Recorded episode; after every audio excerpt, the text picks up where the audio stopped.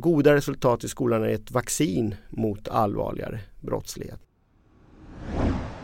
Du lyssnar på Samhällsvetarpodden med mig Ursula Berge. Idag ska vi prata om kriminalitet och om hårdare straff verkligen hjälper. You all come to us young people for hope. How dare you?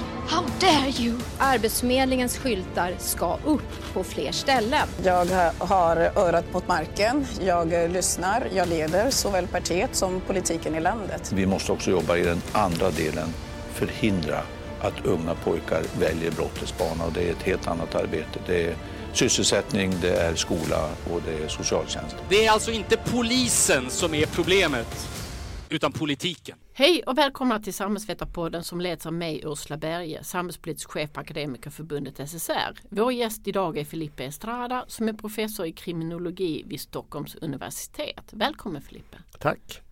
Ja du, kriminalpolitik det är ju, och, och kriminalfråga överhuvudtaget det är ju en superhet politisk fråga just nu. Eh, och jag tänkte att vi skulle idag prata om vad vet forskningen om eh, kriminalitetens utveckling och vad som funkar och vad som inte funkar. Och, och, och så för att eh, vi sen ska landa i diskussion om, om de kriminalpolitiska förslag som ligger. Och då tänkte jag att vi skulle börja med vad ni vet om, om krim, kriminalitetens utveckling. Och hur ser egentligen utvecklingen av kriminaliteten ut över tid i Sverige? Mm. Ja, det är egentligen en ganska komplex fråga eftersom det beror på vilken typ av brottslighet vi pratar om. Men om man då tänker sig att vi delar upp den lite grann och tittar på stöldbrottslighet som har varit en väldigt stor brottstyp och som har liksom styrt brottsutvecklingen väldigt mycket under efterkrigstiden i Sverige och västvärlden. Så är det en typ av brottslighet som faktiskt har minskat under de senaste ja, 30 åren. Ganska tydligt faktiskt. Eh, väldigt mycket till följd av tillfällesstrukturens förändring och bättre säkerhet och sånt. Vi har annan brottstyp som har ökat tydligt som narkotikabrottsligheten och som styrs väldigt mycket då av polisens insatser. Så det är liksom mer reaktionen där som styr eh, hur mycket brottslighet vi har. Och sen har vi då eh, våldsbrotten som kanske är det som är mest uppmärksammat i samhällsdebatten där det ser också lite olika ut beroende på vilken typ av våld vi, vi pratar om. Men det här till exempel misshandelsvåldet då som är det mest eh, vanliga våldstypen. Det har eh, eh kanske till mångas förvåning då inte ökat utan snarare minskat och inte minst bland unga män eh, i Sverige. Och här följer, följer vi också då en internationell trend. Och sen har vi det dödliga våldet som är det som får mest uppmärksamhet av förklarliga anledningar i samhällsdebatten. Och där har vi också återigen lite olika trender för olika typer av eh, dödligt våld. Så att, eh, det vi kanske har på näthinnan nu är det här skjutvapenrelaterade våldet och det har ju ökat väldigt kraftigt under den senaste ja, eh, 7 till 10 års eh, perioden. Eh, men totalt sett så har dödligt våld inte ökat i, i vårt samhälle utan jämför vi det dödliga våldet totalt sett i Sverige idag med hur det såg ut vid ja, början på 90-talet så är det faktiskt lägre nivåer eh, idag. Så mm. du får liksom ett, eh, lite olika svar beroende på vilken brottstyp vi, vi pratar om. Och som lekman i, när man tittar på mediedebatten får man lite känslan av att att det ökar väldigt, väldigt mycket och den mediala eh, dramaturgin är lite sådant. Och så finns det folk som beskriver det i debatten som ett laglöst land. Alltså, vad syftar de på?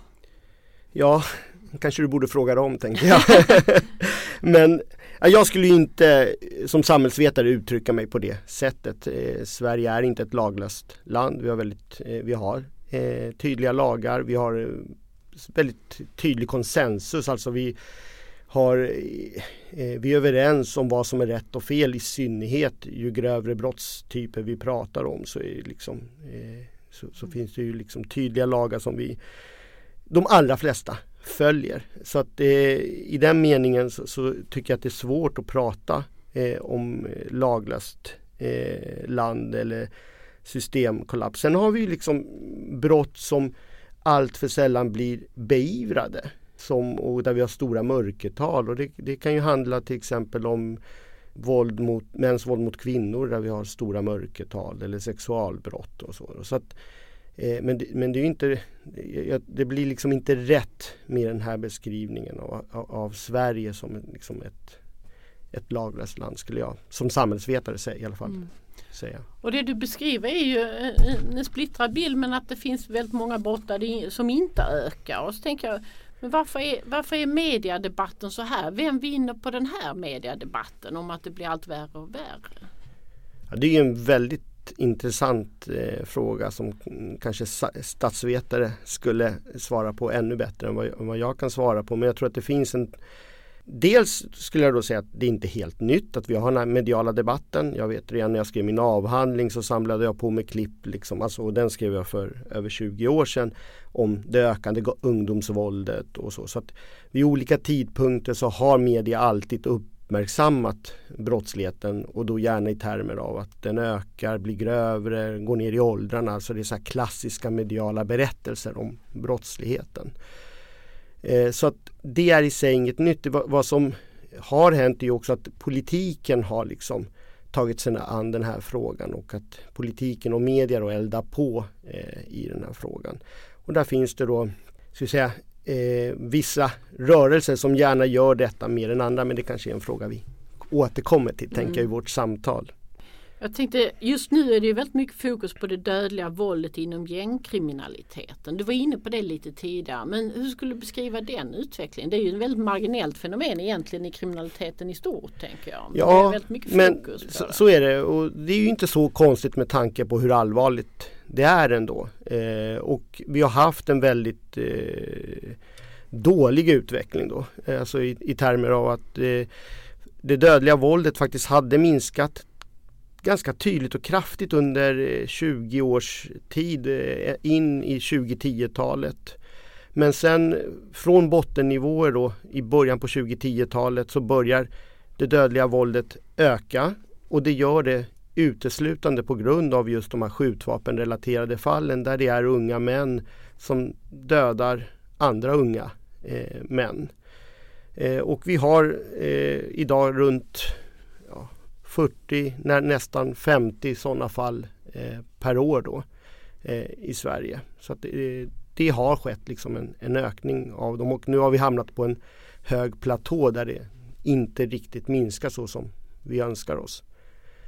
Och det har gjort att den här förbättringen i, av det dödliga våldet har liksom på något sätt utraderats. Eh, vi har då, som jag sa i och för sig tidigare, fortfarande totalt sett lägre nivåer. Men, men jag, jag, tycker inte det är konstigt ändå att vi, att vi debatterar det dödliga våldet och det skjutvapenrelaterade så pass mycket. Mm. Och det är för att det är så grovt eller för att det är ett så nytt, alltså ny brottstyp vi är ganska o Ja, det, precis och jag tror att det liksom Det skrämmer oss eftersom det många gånger nu har flyttat ut Det dödliga våldet har flyttat ut från den privata sfären. Det var väldigt mycket uppgörelser förut mellan människor i missbruksmiljöer och det var liksom eh, mord i, i, in, inomhus i lägenheter. Idag så sker, sker de här fallen ofta i, i det offentliga rummet. Vi har eh, eh, ju, ju, det är fortfarande väldigt ovanligt att tredje part eh, drabbas. Det, det, ska man komma ihåg.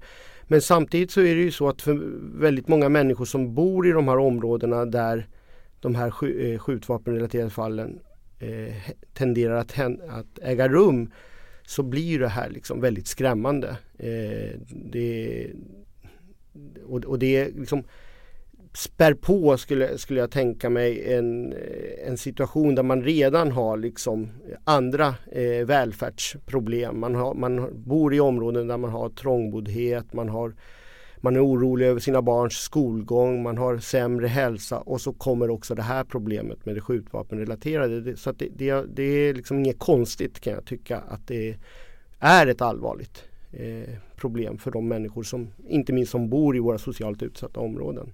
Mm. Och väldigt mycket av det här dödliga våldet inom gängkriminaliteten handlar ju väldigt mycket om ungdomar också. Och eh, du skrev i din avhandling som du nämnde för över 20 år sedan om ungdomsbrottsligheten. Och då tänker jag att eh, ja, det var ju lite, lite väl tajmat att diskutera. Va, eh, vad såg du då och vad ser du nu? Vad är, alltså, om, som expert på, på ungdomsbrottslighet?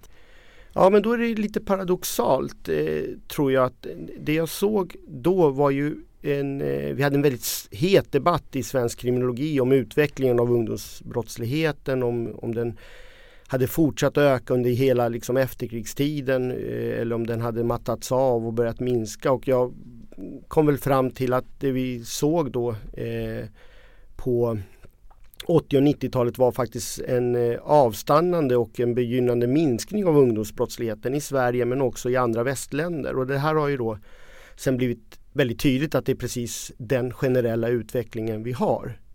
Så att här måste vi hålla två tankar i huvudet samtidigt. Då. Vi har precis pratat om det dödliga skjutvapenvåldet som är en väldigt allvarlig men liten brottskategori som utförs av ett litet antal eh, individer.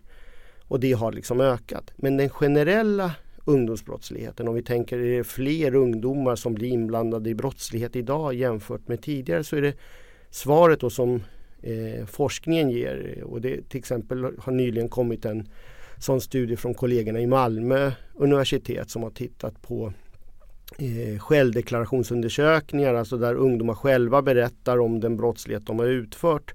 Så att man kommer runt det här problemet med att bara titta på den brottslighet som polisen Eh, lyckas eh, klara upp.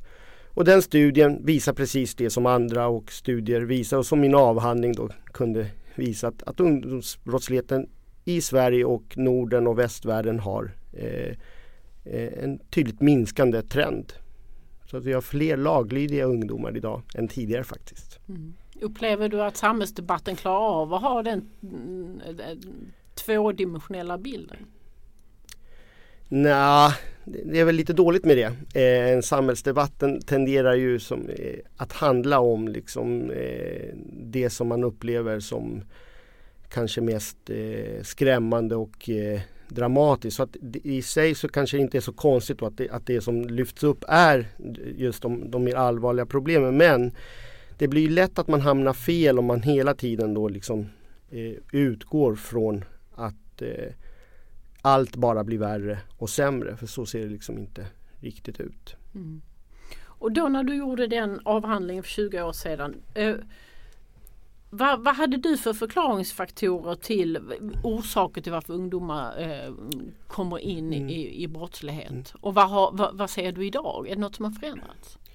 Alltså i, det, det jag kunde peka på i mitt avslutande diskussion, jag tittade ju lite på eh, hur vi hade sett på ungdomsbrottsligheten från 1950-talet och framåt och vilka förklaringsmodeller som vi hade i samhällsdebatten. Jag använde mig av eh, Uppsala arkivets eh, över ledarartiklar som ett sätt att, liksom, att titta på okay, men vad är det vi skriver vid olika tidpunkter i våra olika ledarsidor när vi ska förstå ungdomsbrottslighet. Och då kunde man se liksom en, en glidning och vi kan eh, återkomma till den sen också, den politiska dynamiken här. Men en glidning till att eh, gå från eh, sociala förklaringar och en förståelse av de bakomliggande orsakerna till eh, en allt under 90-talet allt, allt, tydligare betoning av eh, gruppers härkomst, alltså etnicitet eh, som förklaringsfaktor. Eh, och det har väl liksom inte blivit eh, mindre tydligt idag att, vi liksom, att det finns grupper som anammar, gärna anammar just en sån förklaringsmodell. Då. Och vad skulle du säga, bara det är förstås att detta är en fantastiskt stor fråga, men vad, vad, skulle du säga är det viktigaste för att unga inte ska komma in i kriminaliteten eller eh, kunna lämna den utan återfall? Ja, det är en stor eh, fråga. Men Eh, jag tror inte det går att komma runt sånt som egentligen inte tror kommer heller chockera våra lyssnare då att, att eh, familjeförhållandena är superviktiga. Alltså det, det, när man växer upp, vilka eh, relation man har till föräldrar och vilka ramar och kon kontroll som föräldrar kan ge, vilket stöd de kan ge. Och sen när man blir lite äldre så är skolan den centrala arenan och det är väldigt tydligt i den forskning som jag och kollegor har bedrivit att lyckas man i skolan då, då, då är liksom riskerna för att man ska hamna i mer allvarlig brottslighet de är otroligt små. Så alltså man kan prata i, i termer av att ett eh, goda resultat i skolan är ett vaccin mot allvarligare brottslighet. Och, betona, och notera att jag säger allvarligare brottslighet därför att det är inte helt ovanligt att ungdomar under sin ungdomstid begår några enstaka mindre allvarliga brott. Liksom det, det är ganska brett förekommande. Men har du lyckats bra i skolan så kommer du inte hamna i mer allvarlig traditionell brottslighet. För igen, här skulle vissa kanske kollegor till mig säga ja, men de som begår allvarlig ekonomisk brottslighet och eh, mäktiga gruppers brottslighet. De, de individerna har ofta lyckats bra i skolan. Så där är liksom, för att om vi ska diskutera den typen av brottslighet då, då blir det liksom andra förklaringsmodeller. Nu pratar du väldigt mycket om proaktiva åtgärder, en välfungerande familj, en välfungerande skola och så vidare. Eh, vad fungerar för att komma ur kriminalitet? Mm. Här finns det väldigt mycket spännande forskning som kallas då forskning om upphörande med brott eller livsförloppsforskning där man följer eh, individer över ja, hela livet för att eh, se vad som liksom är vägarna in men också vägarna ut ur brottslighet. Och här finns det då dels ganska mycket amerikansk forskning. Robert Samson som kanske är då den mest kända kriminologiska forskaren eller kanske den mest citerade i alla fall eh, nu. Men här är vi i Sverige faktiskt ganska duktiga också tack våra register då, som gör det möjligt att följa eh, individer över livsförloppet. Det Robert Sampson och deras forskning har pekat på liksom det de kallar för vändpunkter eller turning points eh, är faktorer som eh, relationer, eh, arbete men också då skola. Det är som positiva eh, möjligheter att kroka fast i någonting som gör att livet kan ta en, en annan vändning. Men också då att det hela tiden ska finnas en vilja. Men den här viljan då ska lyckas då liksom koppla till sådana här institutioner som ja, familjebildning, eh, eh, framgångsrikt eh, utbildning och arbete. Och det är väl de sakerna vi också sen när vi försöker se om är de här sakerna viktiga också när vi tittar på svenska data och på eh, olika årskullar och hur det går för dem över livsförloppet så, så kan vi se att den här, de här typerna av institutionella faktorerna är viktiga här också. Jag har eh, en kollega Olof Bäckman som till exempel har tittat på betydelsen av eh, komvux bara för att ta ett sådant exempel. Liksom att, eh, ja, det går att reparera i äldre när man blir äldre för sånt som liksom har varit brister när man är yngre. Och då, och då lär det oss liksom att det, det är aldrig för sent och man, man kan inte ge upp för, eh, för människor och eh, det går att upphöra med brott. Eh, man kanske får försöka flera gånger och som samhälle får, får vi vara beredda med att vi kommer se misslyckanden hos individer men att om man orkar stå kvar så kommer det liksom eh, så kommer den här upphörande processen att sätta igång. Och det vi vill är ju att den sätter igång så tidigt som möjligt såklart för de som är inne i de här allvarliga karriärerna. Och sen en, en, en sak som jag, som jag tror är också helt centralt att vi förstår och det är missbrukets betydelse för de här långa livskarriärerna eh, som kanske är då ett konstigt begrepp men som vi kriminologer använder. Och vi kan se att de här individerna då, som begår väldigt mycket brott under eh, vuxenlivet de är ju i väldigt stor utsträckning också eh, narkotikamissbrukare. Mm. Så att, eh, där, där har vi också en tydlig liksom, faktor. Kan man upphöra med missbruk eh, så kommer man också den kriminalitet som liksom är kopplad till missbruket upphöra. Mm. Du nämner ju en hel del saker från internationell forskning om att relationer, arbete, skola och egen vilja och avsluta missbruk är viktiga. Är det någonting som sticker ut i en svensk kontext där vi är lite annorlunda än den forskningen eller är det lika, lika överallt? Jag skulle säga att eh, det, det, det spännande med, med, den här forskningen där vi tittar på hur människor, vad som påverkar människor i olika kontexter är ändå att vi hittar ganska mycket påfallande likheter för de här, just, de här centrala faktorerna. Sen kan ju såklart eh, förhållanden som till exempel eh, är mer självklara för oss i vårt välfärdsland som att vi har en eh, förskola som är ganska bred och eh, generell eh, hjälpa oss att uppnå väldigt mycket saker som man kanske i amerikansk forskning då pekar på att det skulle vara bra om eh, barn ur alla samhällsklasser kunde få en tidig eh, ja, pedagogisk utveckling med, eller familjesamtal och sånt där som vi faktiskt har med som en, en del av vår generella eh, välfärd. Mm. Så där är vi då liksom lite bättre lottade eller gynnade då för att göra. Vi gör en, del, en hel del sånt som förespråkas ibland då i amerikansk forskning eh, redan. Mm.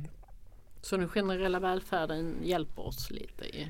Den ger oss en bra bas liksom för eh, att göra en hel del saker. Sen så är det ju så att det är helt uppenbart att vissa grupper behöver ännu mer stöd och att vi har stor ojämlikhet vad gäller hur bra vi lyckas med eh, ja, bara få eh, en sån basal, men jag kommer komma tillbaka till det med skolans centrala roll. Men hur väl lyckas vi då liksom med att få alla våra barn att ha en bra skolgång? Det är ju uppenbart att vi Eh, vi vet att det är viktigt men ändå så lyckas vi inte och ojämlikheten i skolresultat har inte minskat utan tvärtom ökat. Mm. Jag tänkte vi, vi skulle eh, Nyligen kom det en, en rapport från Brå eh, som blev ganska medialt eller väldigt medialt uppmärksammat som, där, där man hittat samband med att om du har, eh, är utlandsfödd eller har utlandsfödda föräldrar en eller två så är du överrepresenterad. Vad reagerade du när du läste det? Det kändes som att det gjordes som en nyhet i tidningarna. Ja, det var en enorm nyhet i tidningarna. Jag tror att ingen av dem som lyssnar på det här missade den eh, nyheten. Och det, jag tror att jag och mina kollegor tycker det är mest i ögonfallande med den här studien och den uppmärksamheten fick är nog just den uppmärksamheten fick. Därför att det här var ju inga nyheter för någon eh, egentligen. Utan det är en väldigt fin och bra studie som Brottsförebyggande rådet har gjort. Den bekräftar sånt som kriminologisk forskning har visat väldigt många gånger eh, i väldigt många studier. Så inga som helst nyheter, inte heller hur det här har förändrats över tid. Vi hade faktiskt en eh, sån rapport senast eh, för drygt ett år sedan från Stockholms universitet där jag var med och skrev den som heter Den ojämlika brottsligheten. Och där vi tittade på just hur den här eh, Eh, fördelningen av brottsligheten ser ut eller den lagförda brottsligheten då eh, ända bak till 70-talet i olika grupper fördelade efter härkomst.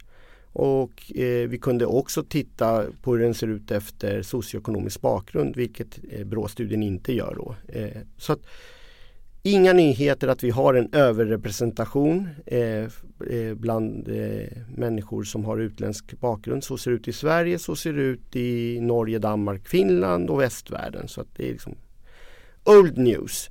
Eh, det som är kanske liksom spännande också när man får den här stora uppmärksamheten kring den det är att man på något sätt inte pratar eller inte nämner att det, det som har skett över tid är ju att den här överrepresentationen har minskat snarare än ökat. Det är väldigt tydligt om vi har den lite längre trenden som vi hade i våran studie som går ända bak till 70-talet så har ju alltså den här överriskerna för de som har utländsk bakgrund minskat.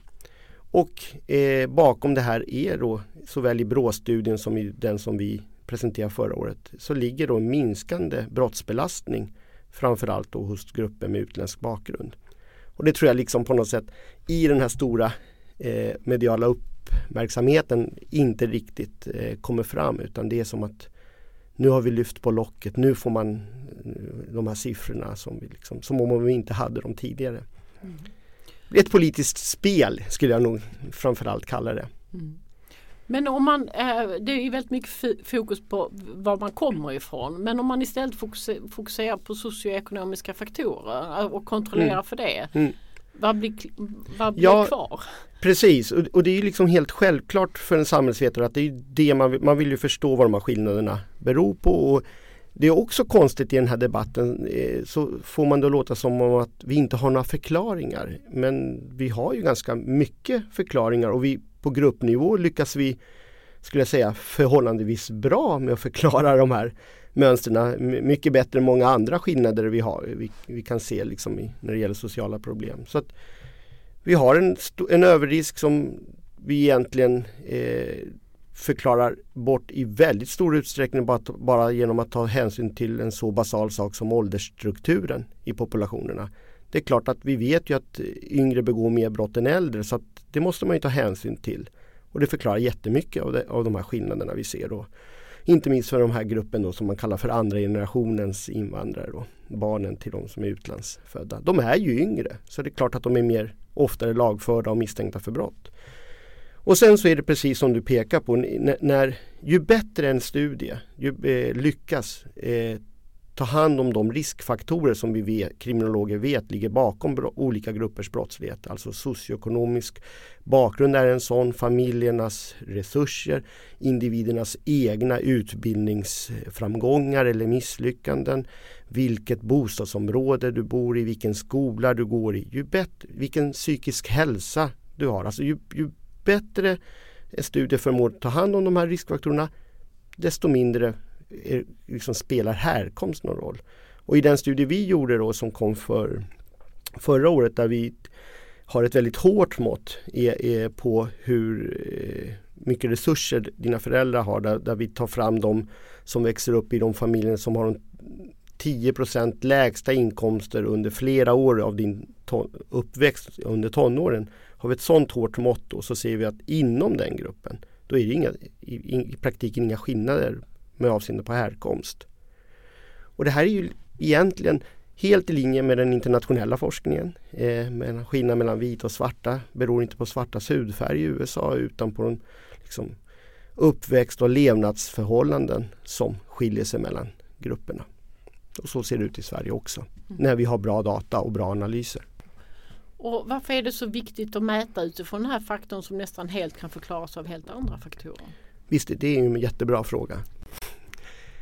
Det, det undrar jag också. Eh, om jag liksom, och, och, och, skulle jag då eh, svara på den så skulle jag ju säga att det är, här är det politik det handlar om. Att vi har en, eh, en vilja hos eh, vissa politiska rörelser och det här är också internationellt eh, och sedan gammalt. Att eh, man vill koppla eh, brottsligheten till vissa eh, befolkningsgrupper. I Östeuropa kan det handla om romer. I, eh, i, i USA som vi var inne på handlar det om svarta. Eh, och i, i Sverige har det nu under eh, 2000-talet kommit att handla väldigt mycket om eh, ungdomar kanske med muslimsk eh, bakgrund då, som pekas ut som de liksom, det brottsproblemet. Mm. Hur upplever du det här att eh, någonting ni har forskat om i decennier upplevs som någonting som det har lagts locket på i, i all tid och äntligen får, får någon forska på det som egentligen är sanningen. Hur känns det att uh, det, den situationen? Ja, det, det, det kan ju ibland kännas eh, man kan bli lite cynisk eller man kan känna sig lite frustrerad över liksom att man tänker så att det här vet vi så pass mycket om och att, att politiker och liksom när man släpper en sån här BRÅ-rapport eh, kan påstå att vi, det här visste vi inte. Och hade vi vetat det här så hade vi gjort någonting men herregud ni har vetat om att skolmisslyckanden är jätteviktiga och att ojämlika livsvillkor är jätteviktiga. Så ni kan inte komma undan med liksom den typen av eh, med svar. Men, och då kan, ju, kan man ju då bli frustrerad kanske att journalistiken inte kan vara vassare och eh, och peta på politikerna lite hårdare när de påstår sådana eh, saker.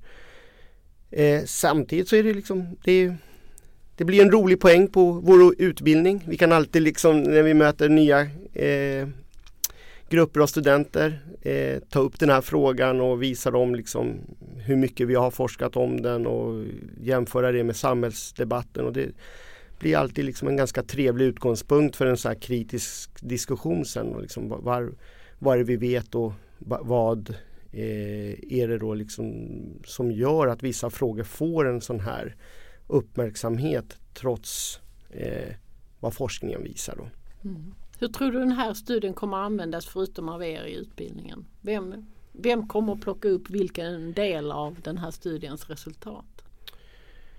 Jag jag tror inte jag har, är helt fel ute om vi kommer se eh, partier på den mer högerpopulistiska eh, sidan av spektrat och de främlingsfientliga partierna eh, gotta sig i de här siffrorna och säga att det på något sätt bekräftar eh, deras bild. Och det, det, har de ju liksom pekat på väldigt länge och det här är då egentligen inget svenskt fenomen heller utan det är ja, vi, vi, har nyligen haft en, en, en, president i USA då, Trump, som drev i princip sin kampanj med den här liksom svartmålningen av eh, invandrare från eh, Mexiko och eh, Centralamerika. Och det, så jag tror att man kommer se en sån eh, dynamik och eh, eh, som sagt det, det, hade, det hade man gjort även utan den här rapporten så har vi ju haft den här eh, tendensen i samhällsdebatten.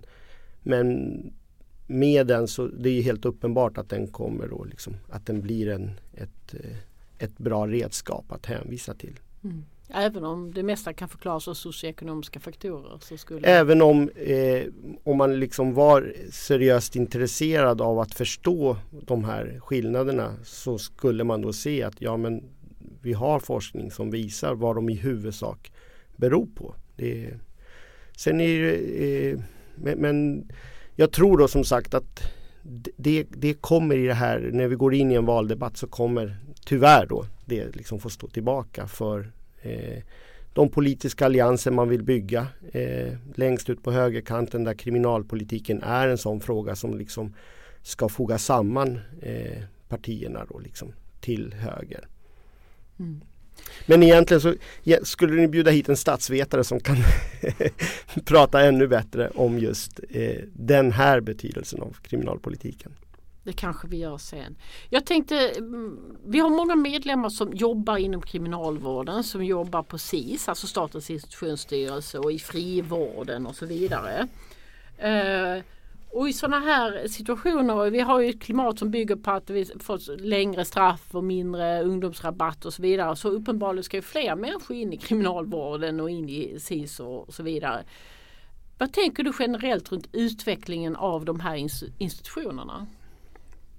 Ja, det är helt uppenbart att vi har en sån eh, politik där fler människor redan har hamnat eh, i fängelse eller häkte.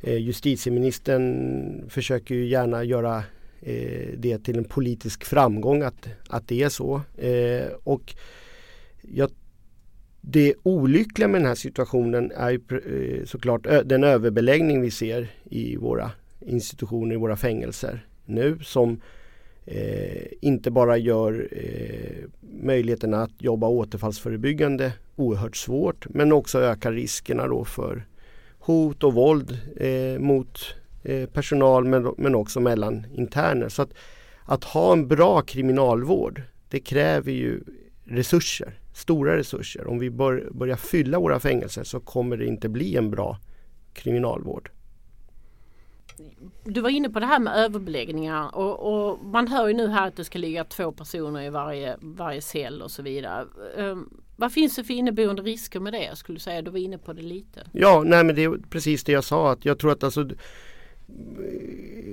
det handlar både om eh, riskerna för fler friktioner, alltså eh, fler eh, händelser av hot och våld mellan eh, interner men också eh, hot och våld mot personalen. Det kommer bli svårare att bedriva en bra eh, den vård då, och den behandling som eh, skulle kunna skapa eh, möjligheter till mindre eh, återfall. Det, är nog så svårt, ska vi veta, att bedriva bra kriminalvård som är återfallsförebyggande. Det kommer inte bli lättare när vi har eh, överbeläggning. Och eh, nu talar man i och för sig om att man ska bygga ut och så vidare men det är ju Det tar tid. Betydligt mer långsiktigt projekt. Mm. Ja. Alltså man får ju lite intryck av att vi, vi går mot en glidning av att det blir mindre av vård och mer av allmän inlåsning. Mm. Är det din bild? Ja, det, alltså en det, konsekvens kanske ja, alltså, något, det blir en, automatisk konsekvens. Vi, vi, det här går ju lite i vågor. Vi har haft perioder av eh, överbeläggning tidigare i svensk kriminalvård och Eh, vi har också haft perioder då man har fokus, fokuserat väldigt mycket på kontroll och övervakning. Och det som då man kanske också, du var inne på, som det nästan blir mer förvaring då. Eh, liksom att vi låser in dem och tänker på inkapacitering men inte på vad som ska komma ut sen.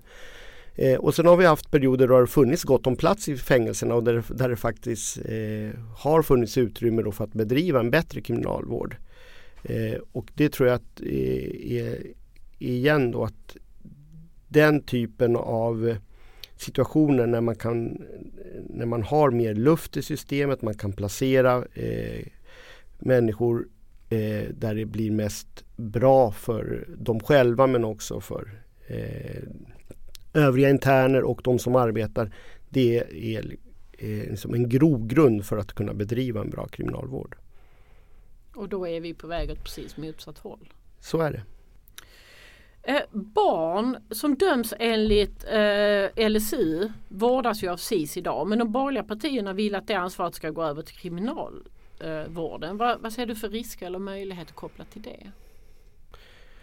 Ja, den, den, är lite svår tycker jag. jag liksom inte jag, jag, jag, jag, tror jag tänker så här att eh, det inte, kanske inte spelar så stor roll eh, vem utföraren är om innehållet är rätt.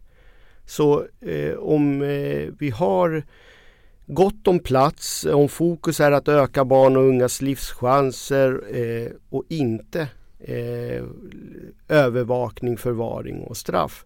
Då kanske inte spelar så stor roll vem det är som är utföraren. Risken och problemet är väl att vi just nu, alltså tanken, tankarna bakom den här politiken är att vi vill öka övervakningen och kontrollen och straffmomentet och, och inte öka livschanserna eller det som är återfallsförebyggande. Mm. Så att om vi har rätt politik så kan jag liksom på något sätt leva med vilk, vem, vilken utförare det nu är. Eh, det, det är liksom där upplever, fokus... upplever du att kriminalvården idag kan ta det uppdraget? Att man är rustad var, för det? Alltså som vi var inne på eh, nyss då, så har de ju nog att göra med, med eh, den vuxna befolkningen. Och skulle de börja ta hand om barn och unga så är det klart att det, det är helt andra eh, kompetenser som behövs och eh, andra lokaler och an, ett annat eh, ja, utförande. Som SIS då på något sätt är mer erfarna att bedriva. Men eh, vi vet ju att SIS också har, det, det här är ju inte lätt liksom att, eh, att arbeta med. Om vi ska gå in lite här på kriminaldebatten mm. eh, och så. Vad tänker du som, som, som kan så här mycket om hur kriminaliteten ser ut och hur det fungerar. Vad tänker du runt debattklimatet i, i de här frågorna? Generellt. Ja, vi har varit lite inne på det men jag kan, jag kan ju uppleva att, den, att, den är, att det är väldigt uppskruvat och att det är ganska cyniskt många gånger. Alltså, vi har ju varit inne på att egentligen så har vi en hel del kunskap men man låtsas inte om den eh, i det politiska liksom, samtalet. Man vill ofta liksom vinna kortsiktiga politiska vinster snarare än att eh, diskutera fram åtgärder som forskningen då på något sätt kan visa gör skillnad på, på riktigt. Eh, så att, jag kan bara ta det här exemplet med eh, straffreduktionen för ungdomar och över 18 år som nu eh, ska tas bort och där man ber om en eh, utredning eh, eh för, för, att i god ordning undersöka eh, om det här kan vara en bra idé och i så fall hur det skulle genomföras. Och utredaren som då är riks, eh, var, eh, riksåklagare Petra Lund är väldigt tydlig med, med sitt svar att det här är ingen bra idé. Det har inget stöd i forskningen om målet är att vi ska få färre brottsoffer i framtiden, ökad trygghet och öka livschanserna för ungdomar. Men det liksom, svaret spelar inget, ingen roll utan det som ska genomföras är det då som det politiska samtalet kräver idag, Då, hårdare tag och handlingskraft. Och, så att det blir på det viset kan jag då det är väl ett sätt att svara på din fråga om hur jag upplever debattklimatet. Jag, jag kanske har en väldigt positiv syn till den svenska samhällsdebatten och så att, att vi har en tradition av att bygga eh, politiska beslut och, och, och färdriktningar på forskningserfarenheter och, och den empiri vi har. Men du beskriver ju någonting helt annat här. Har det blivit en helt annan logik vad det gäller just lag och ordning? Ja, så kan jag som kriminolog uppleva det. Eh, jag är ju lekman när det gäller andra eh, samhällsvetenskapliga fält. Då. Men jag, jag, vill ändå föreställa mig att vi försöker bedriva eh, skolpolitik som baseras på bra skolforskning om vad som fungerar och inte eh, och arbetsmarknadspolitik också på, sån, på sådana grunder. Sen vet jag, kan jag misstänka att forskarna inom det fältet också kan ha sina synpunkter på det. Men när det gäller lag och ordning så skulle jag då säga att vi kriminologer anser att väldigt lite av den forskning som vi har är, är liksom tas om hand. Och exemplet med straffreduktionen är ju bara liksom det senaste i, ett aktuellt, i en aktuell fråga. Vi har också na svensk narkotikapolitik då som eh, justitieministern absolut inte vill Eh, utreda. Eh, och här, det är liksom bara ytterligare ett sådant exempel där ja, man inte egentligen inte vill, i det fallet inte ens vågar fråga forskningen eh, om det vi gör idag eh, är klokt och det bästa. Mm. Men om, om debattklimatet och den inriktning vi har på kriminalpolitiken med hårdare straff och mindre ungdomsrabatter och så vidare inte har stöd i forskning. Vad styrs den då av? Debatten? Ja, ja. inriktningen. Va, va är, hur förklarar de som företräder den här åsikten varför man ska göra det om det inte finns forskningsstöd för att det minskar kriminaliteten? Det här har ju en kollega till mig, Henrik Tam, skrivit en hel del om svensk kriminalpolitik och den utveckling den har haft. Och han brukar ju peka på att eh, det här handlar snarare liksom om en, eh, en vilja att visa politisk handlingskraft. Eh, man hänvisar då gärna till att det är det här allmänna rättsmedvetandet som kräver att eh, man agerar på ett visst sätt. Jag skulle säga att man tidigare har i politiken eh, velat åberopa att det man gör kommer påverka brottsligheten. Men det är lite slående under senare år att man nu på något sätt har lärt sig ändå att vi forskare kommer säga att det här inte har de effekter ni vill att det ska ha. Så då går man runt oss och säger att ja, det spelar ingen roll hur brottsligheten påverkas. Det är inte det som är poängen med den här lagstiftningen utan det är att visa att vi inte tycker om det här beteendet. Och då blir det på något sätt snarare en filosofisk fråga och då kanske vi samhällsvetare hamnar lite i bakvatten och har liksom inte lika mycket eh, att säga utan det vi kan diskutera är om åtgärder kommer bidra till mindre brottsoffer eller färre brottsoffer, ökad trygghet. På den planhalvan, det är där vi har våra metoder och eh, studier för att liksom diskutera med eh, politikerna. Men om politikerna istället vill åberopa det de uppfattar är folkets mening så blir det ju svårare kanske för en samhällsvetare då att säga att ja den här insatsen är rätt eller fel. Precis, den bild man har lite uh, i alla fall den bild jag har är att vi har haft målet med kriminal, uh, krim, kriminalåtgärder uh, när man också väljer att, att så att säga låsa in folk har ju varit att att det skulle leda till mindre kriminalitet, färre återfall, de skulle få vård som ledde till mm. att de kunde rehabiliteras och så vidare. Alltså har vi ändrat fokus på varför vi vill låsa in folk? Ja, vi har börjat glida i det i alla fall. Jag tror att du gör en helt rätt notering att de argumenten som har handlat om att ändå göra någonting åt brottsligheten har i takt med att forskningen visar att man inte ska ha för stora förhoppningar att man med de här hårdare tagen kommer påverka brottsligheten börjat då försöka hitta andra bevekelsegrunder, andra argument för eh, den här politiken eftersom man då som uppenbarligen som politiker upplever att det här är någonting som är, eh, gör sig bra i den politiska debatten att föreslå just de här typen av åtgärder. Eh, jag tror samtidigt om vi tittar på forskning om det allmänna rättsmedvetandet och vad folk vill. Det finns sån forskning såklart också. Eh, och, och, återigen kan jag hänvisa till en stor studie då, som Henrik Tam gjorde med nordiska kollegor. Så kan man ju se att eh, det finns en, en, andel av befolkningen som på något sätt är mindre intresserad om straffet har effekt eller inte i termer av att det kommer göra samhället bättre utan man, man vill ha vedergällning. Det kan man ju tycka. Men det finns också en väldigt stor grupp som vill ha effektiva straff.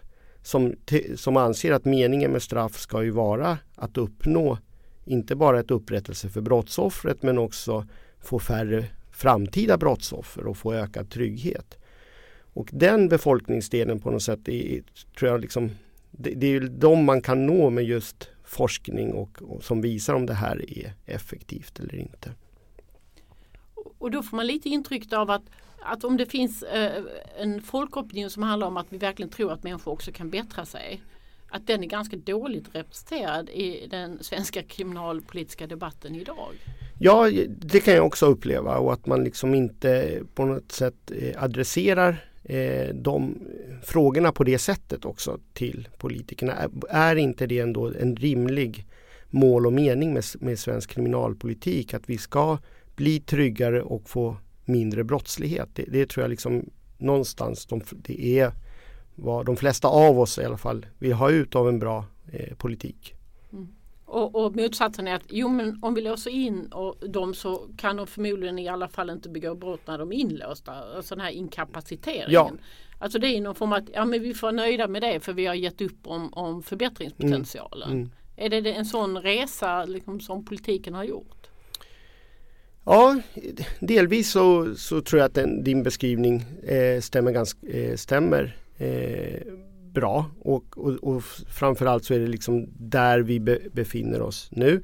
Inkapacitering har blivit, alltså det här inlåsning för inlåsningens eh, skull och inte för att den kanske då eh, kommer göra att brottsligheten minskar.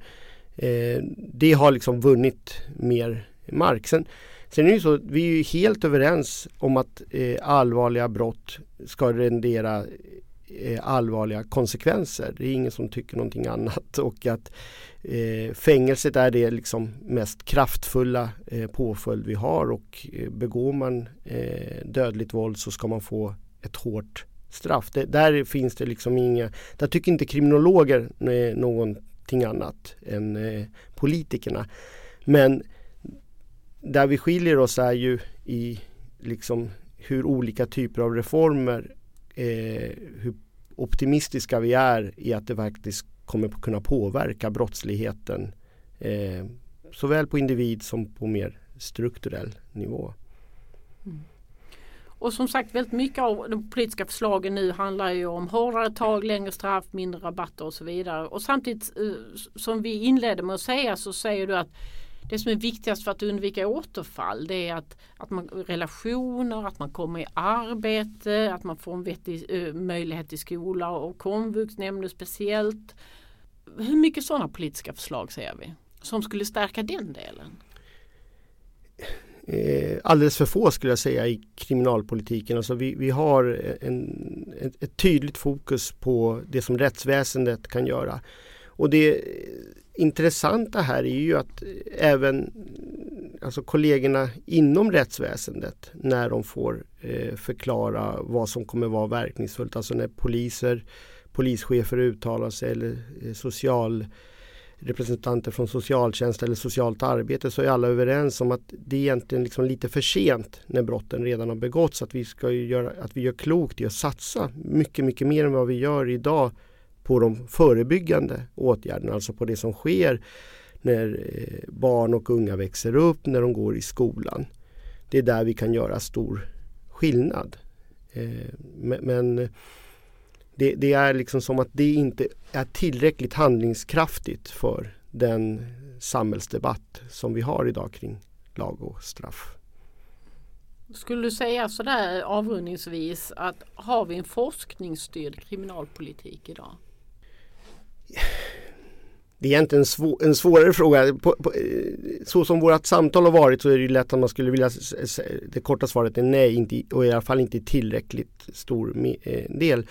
Samtidigt är det så att väldigt mycket av det som görs som inte är eh, på löpsedlar och liksom i den här politiska hetluften eh, baseras ändå på eh, god kunskap eh, från forskning men också erfarenhetsbaserat. Vi har program som till exempel eh, Sluta skjut i, i Malmö då, som bygger på eh, amerikansk forskning och som man sedan har försökt implementera i Sverige och som visar lovande eh, resultat. Polisen vet att de behöver göra eh, ett jobb som är tillitsbaserat och inte repressivt om de ska få framgång i de socialt utsatta områdena. Så att de här hårdare tagen de gör sig liksom som bäst i politikernas eh, debatter när de ska vara handlingskraftiga. Men nere på liksom verkstadsgolvet när, politik, när poliser och socialarbetare eh, jobbar så, så, så, tror jag att de ändå eh, jobbar mer kunskapsbaserat än, än vad som framstår i den politiska debatten. Mm. Det finns en skillnad där. Eh, avslutningsvis, vilka politiska åtgärder anser du bäst? Vad, vad, vad finns på din önskelista? Vad, sk vad skulle egentligen funka bäst om det inte är det som finns i debatten nu? Om, du, om Morgan Johansson ställde sig mm. på en mm. presskonferens imorgon, vad, vad skulle du vilja höra från honom? Oj. Ja, det är en... Egentligen så, för, så är det, det borde vara den fråga som vi allra bäst eh, tränade på att svara på och så är den alltid lika svår att ge ett kort och bra svar på. Men om jag tänker så här att vi, vi har diskuterat att vi måste se brottsligheten på olika sätt och spjälka upp den för att liksom det, det, det, blir för brett att prata om en brottslighet. Så skulle jag då säga att eh, om vi tänker på mängdbrotten, stöldbrotten, bedrägerier och allt det här som liksom, vi har mycket av och som påverkar människor i, i vardagen så tror jag att vi gör en hel del rätt och vi, vi ska ha fokus på tillfällesstrukturen och begränsa brottstillfällena och liksom fortsätta jobba eh, på det sättet som har varit väldigt framgångsrikt och där brottsligheten faktiskt i, i många, för många brottstyper har minskat. Eh, och, det, så där, och där är liksom vi inte inne i rättsväsendet utan då påverkar vi brottsligheten innan brotten eh, begås. Om vi istället då fokuserar på det som vi har pratat väldigt mycket om de här mer allvarligare brottsligheten med skjutningar och, och gängbrottsligheten då, då kommer det här och nu behöva vara eh, en del i linje med sånt som görs med att vi behöver få ut fler utbildade poliser få ut fler eh, socialarbetare som jobbar eh, i eh, de här mest utsatta områdena med att upptäcka och beivra brott men också skapa då tillit till de människor som bor där så att man får reda på det som sker, gärna innan eh, det sker. Och sen så, så skulle jag då ändå vilja höra en stark betoning på det som såväl praktiker som forskare eh, säger, nämligen att det som är liksom verkningsfullt på riktigt och i det långa loppet det är de saker vi gör innan brottsligheten har liksom eskalerat. Och då är vi tillbaka på barns livschanser via familjens resurser och eh, hur bra det går i skolan och att de stora skillnaderna vi har i skolframgångar mellan olika individer, grupper, de måste åtgärdas. Och då är det liksom en fråga till Anna Ekström. Vad ska du göra för att vi ska få en mer jämlik skola? Tack Filippe. Det var allt från Samhällsvetarpodden den här veckan. Du hittar oss där du hittar andra podcasts. Samhällsvetarpodden görs, eh, kommer varannan vecka och görs av Akademikerförbundet SSR, Sveriges ledande samhällsvetarförbund.